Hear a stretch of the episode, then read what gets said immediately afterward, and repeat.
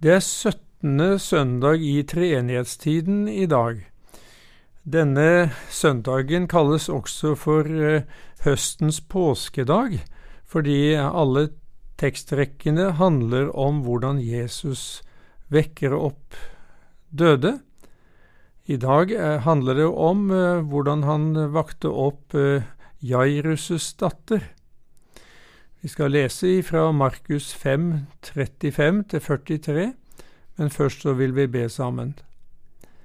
Kjære Jesus, takk for at du er oppstandelsen og livet.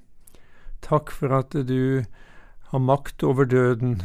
Vi ber om at vi må følge deg, slik at vi får del i den evige, fullkomne oppstandelse en dag. Amen. Mens han ennå talte, kom det noen fra synagogeforstanderens hus og sa, Din datter er død, hvorfor bryr du mesteren lenger? Men Jesus hørte det som ble sagt, og sa til synagogeforstanderen, Frykt ikke, bare tro. Han eh, lot ingen følge med seg uten Peter og Jakob og Johannes, Jakobs bror. De kommer så til eh, synagogeforstanderens hus. Der ser han et stort oppstyr, folk som storgråter og jamrer høyt. Idet han kommer inn, sier han til dem, Hvorfor larmer og gråter dere? Barnet er ikke død, hun sover. Men eh, de bare lo av ham. Han eh, driver alle ut, tar med seg barnets far og mor og dem som er med ham, og går inn der barnet er. Så tar han barnet ved hånden og sier til henne, Talita komi. Det betyr, pike, jeg sier deg, stå opp.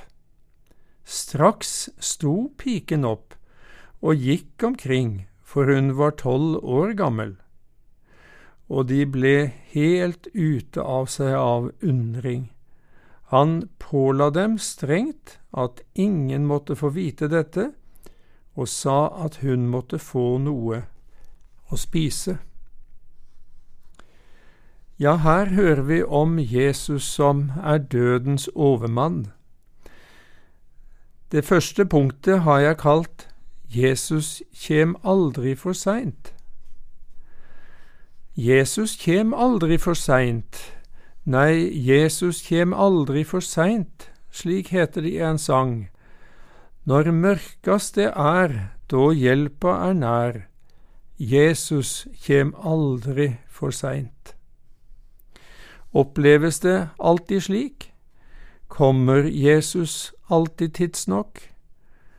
Kommer alltid bønnesvarene i tide? Aldri for seint? For synagogeforstanderen Jairus virket det som Jesus kom for seint. Noen vers før teksten vår leser vi Da han får se Jesus, kaster han seg ned for hans føtter.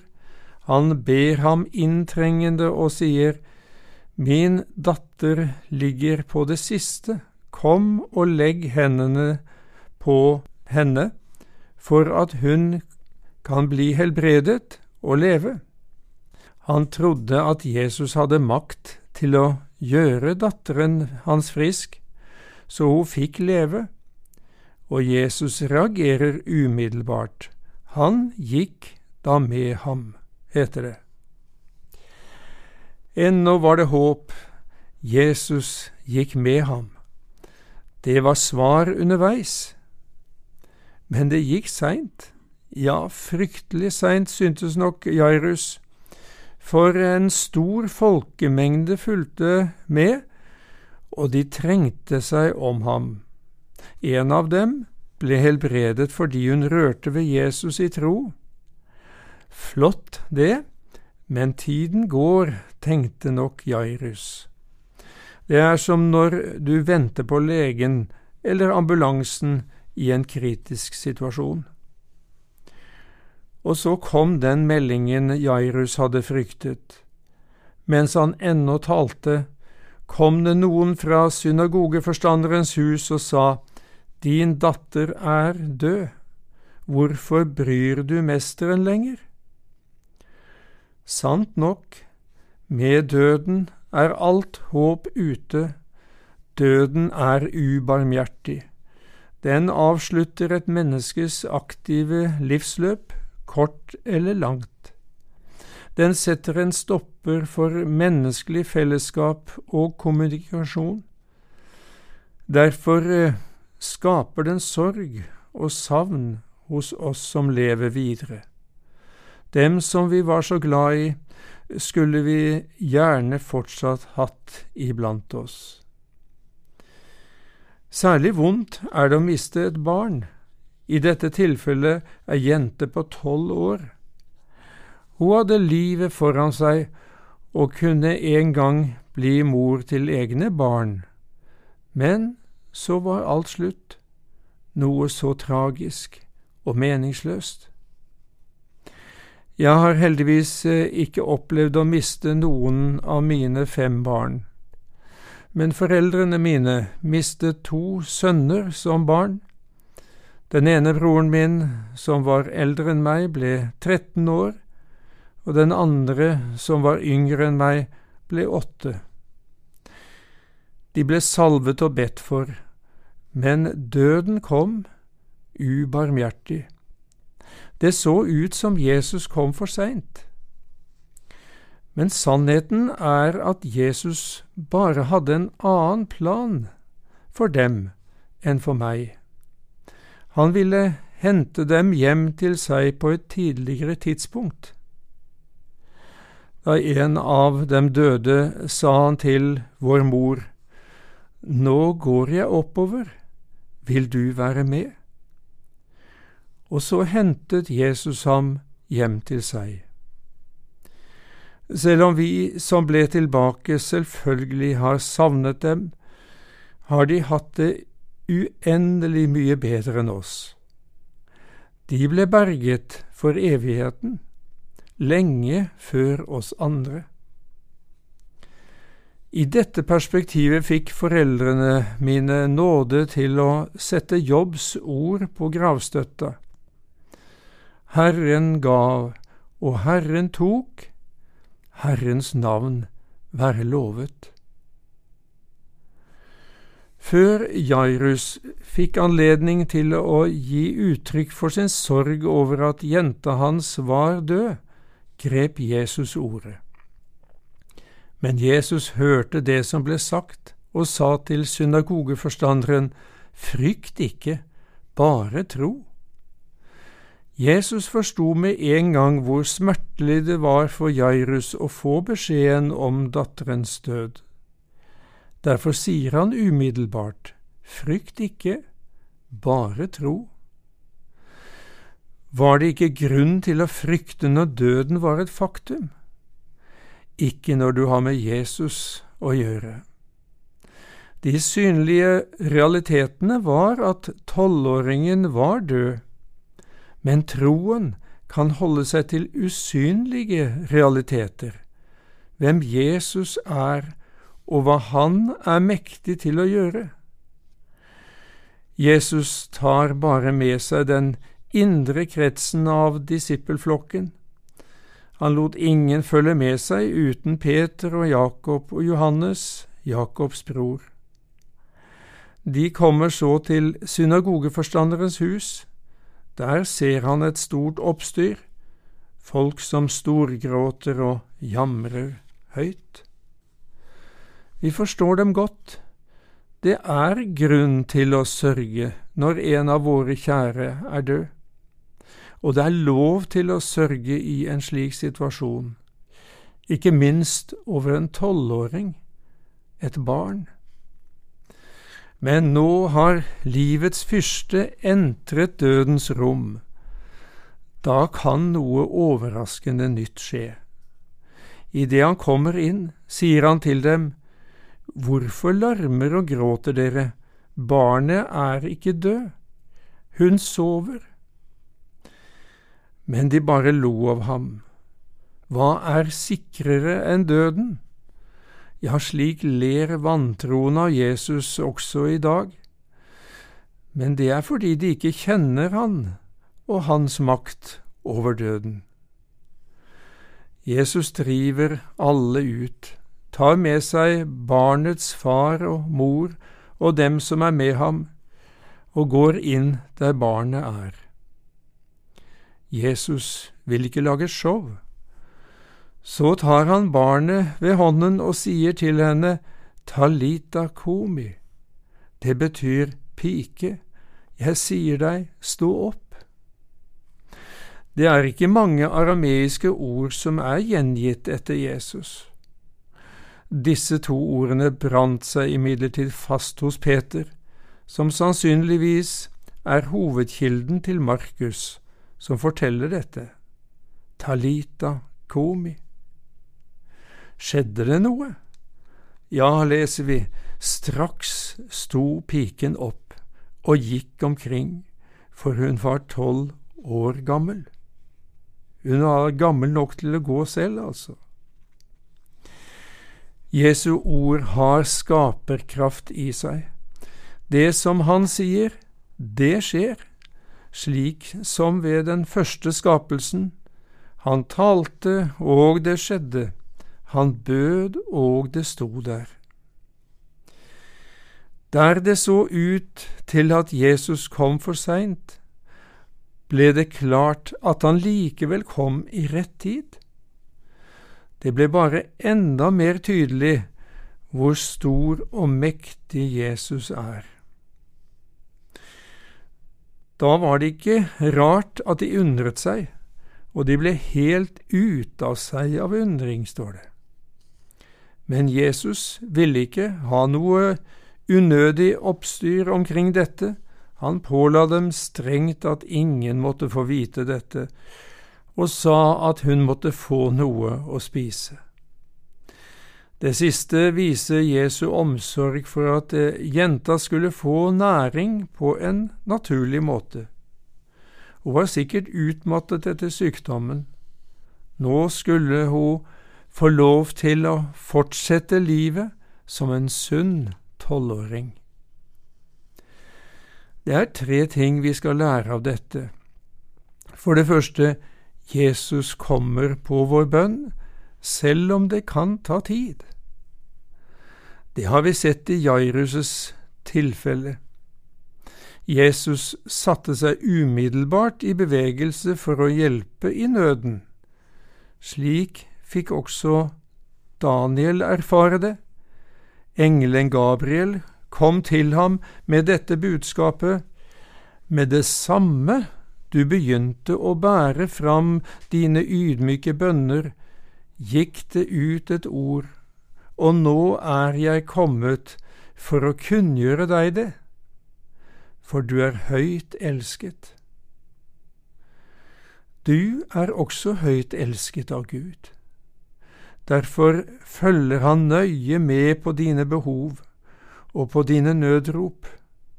Han har en stående invitasjon. Kall på meg på nødens dag, så vil jeg fri deg ut, og du skal prise meg. Det er to forutsetninger for at løftet skal gå i oppfyllelse. Det må være en nødens dag, og du må kalle på Gud rope til din himmelske Far i bønn, så vil Han fri deg ut, og du får grunn til å lovprise Han. Ja, det er ikke engang nødvendig å bruke ord. I Salme 38 står det Herre, for ditt åsyn er all min lengsel, mitt sukk er ikke skjult for deg. Ja, slik heter det i en sangstrofe, han ser hvert et sukk som fra dypet til himmelen stiger. Men vi har allerede vært inne på det, Jesus synes av og til å ha veldig god tid. Likevel, det er svar underveis. Engler kommer med bud. Om det drøyer, det framdår skal nå, for det lovet jo løftenes trofaste Gud. Kall på meg, og du hjelpen skal få. Guds tidsperspektiv og hans plan er ofte ganske annerledes enn vår. Han ser det først og fremst fra evighetens synsvinkel, hvordan han kan lede oss slik at vi når frelsens mål i himmelen. Slik heter det i Jesaja 49, Så sier Herren, på den tiden som behager meg, bønnhører jeg deg, og på frelsens dag hjelper jeg deg. Derfor er det sant det vi begynte med, Jesus kjem aldri for seint. For det andre, Jesus trøster oss når det ser ut som han kommer for seint. Selv om Jesus tilsynelatende kommer for seint, er han full av medlidenhet. Det rører seg noe inne i hans hjerte. Han har medynk med deg. Slik er Jesus, fordi han er kjærlighet, og fordi han er et ekte menneske. For vi har ikke en ypperste prest som ikke kan ha medlidenhet med oss i vår skrøpelighet, men en som er prøvet i alt, i likhet med oss, men uten synd. Det er bare ved to anledninger vi hører at Jesus gråt da han så ut over Jerusalem, som hadde forkastet han, og ved Lasarus' grav? Jo, Jesus har virkelig evne til å føle med deg som har det vanskelig. Det er ikke en kald steingud du henvender deg til. Han er levende og varm og trøster deg med de samme ordene som til Jairus, Frykt ikke, bare tro. Det er ingen grunn til å frykte når troen din klynger seg til Guds løfter, Hans trofaste ord. Selv om det ser håpløst og mørkt ut, skal du få lov til å finne fram noen løfter i Bibelen og minne Gud om dem, slik som Jeremia 29, 29,11. For jeg vet de tanker jeg tenker om dere, sier Herren, det er fredstanker og ikke tanker til ulykke. Jeg vil gi dere fremtid og håp. Så skal du få si til din himmelske Far, se, dette har du lovet, nå stoler jeg på det du har sagt, og faller til ro. En gang sendte jeg en hilsen til en venn som var alvorlig syk på sykehuset, og det var nettopp Jeremia 29,11. Jeg fikk som svar, det var et godt ord fra Gud i riktig tid. Takk, takk. For det tredje, Jesus har et budskap til oss som gir liv og håp. Vi kan jo prøve å trøste noen som gråter, og si ikke gråt, det ordner seg nok, skal du se. Men vi står ofte maktesløse når det gjelder å ta bort det som er årsaken til tårene. Det gjelder i hvert fall dødens bitre realitet. Men Jesus kan. Han var og er Guds enbårne sønn, dødens overmann, når han sier frykt ikke, bare tro, er han selv trøstens grunn, for livets og oppstandelsens kraft ligger i ham selv. Jeg er oppstandelsen og livet, sier Jesus til Martha. Den som tror på meg, skal leve om han enn dør og hver den som lever og tror på meg, skal aldri i evighet dø. Denne oppstandelsens kraft viste Jesus ved å vekke opp Lasarus og enkens sønn i Nain. Den viste han også på datteren til Jairus. Talita komi, sa han, pike, jeg sier deg, stå opp. Men i disse tre tilfellene er det en oppvekkelse fra de døde, en oppstandelse til dette livet. Disse eksemplene er tegnunder som demonstrerer Jesu makt over døden og peker framover mot hans egen oppstandelse og videre på alle troendes oppstandelse. For oppstandelsen og livet gir Jesus til hver den som tror på ham. Den som tror på meg, skal leve, om han enn dør og hver den som lever og tror på meg, skal aldri i evighet dø. Garantien for en legemlig oppstandelse og et evig liv ligger i Jesus selv. Derfor er det så viktig å tro på ham. Det virker ikke som det var så mange Jesus vakte opp fra de døde mens han var her på jord, og det er høyst uvanlig at dette skjer i dag. Likevel har Jesus skapt håp over døden. Jeg snakket en gang med et ektepar som mistet den første sønnen sin i mors liv. Det var et tungt slag, og de prøvde å la være å finne noen forklaring på hvorfor noe slikt skulle skje. Men de hadde likevel håp midt i sorgen. De visste at gutten deres hadde det godt, og at de skulle få se ham igjen.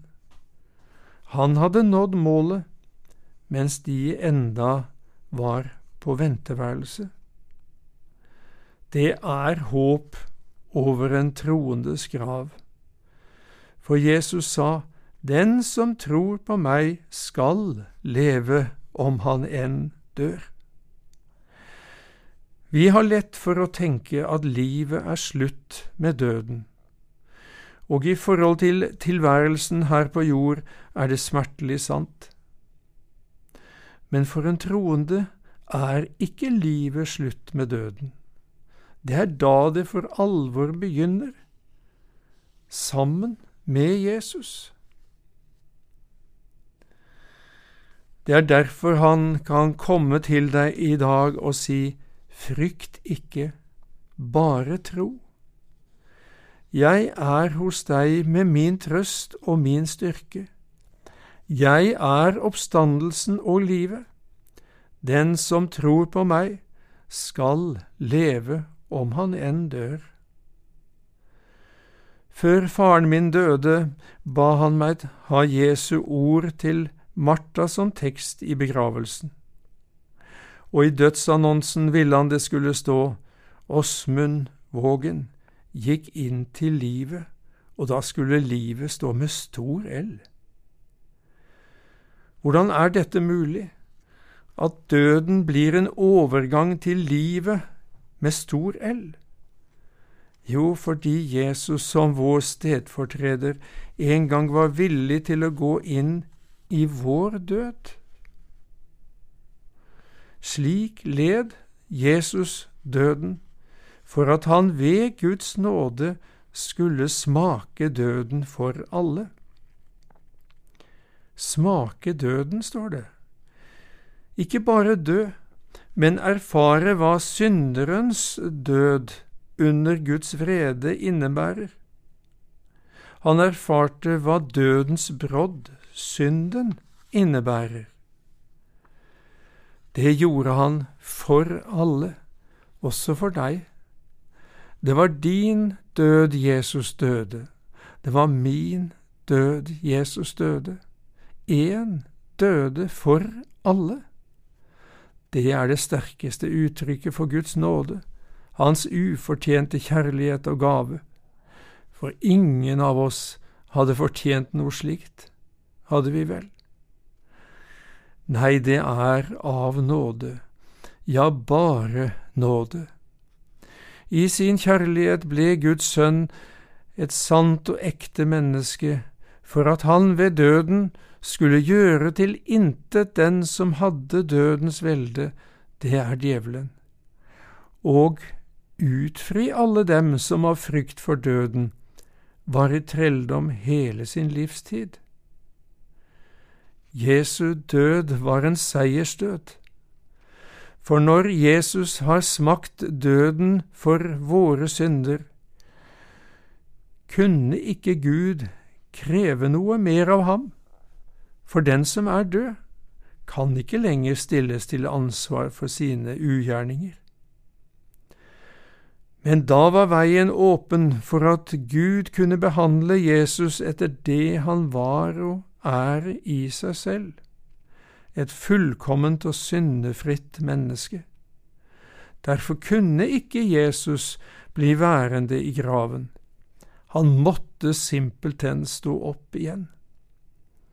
Men siden han gikk inn i døden som din representant, gikk han også ut av døden i ditt sted. Det betyr at han banet veien til livet, og da med stor L, for deg som egentlig fortjente døden. Slik ble Jesus dødens overmann i ditt sted. Slik er det evige livet i samfunn med Gud tilgjengelig for hver den som tror på Jesus som sin frelser som Jesus selv sier i Johannes 5. Den som hører mitt ord og tror Ham som har sendt meg, han har evig liv, han kommer ikke til dom, men er gått over fra døden til livet. Slik er døden noe tilbakelagt for den som har Jesus. I stedet skal du få leve det nye livet allerede mens du er her på jord, og så fullt ut i himmelen. Det er det viktigste for Jesus å gi deg del i. Derfor kjem Jesus aldri for seint.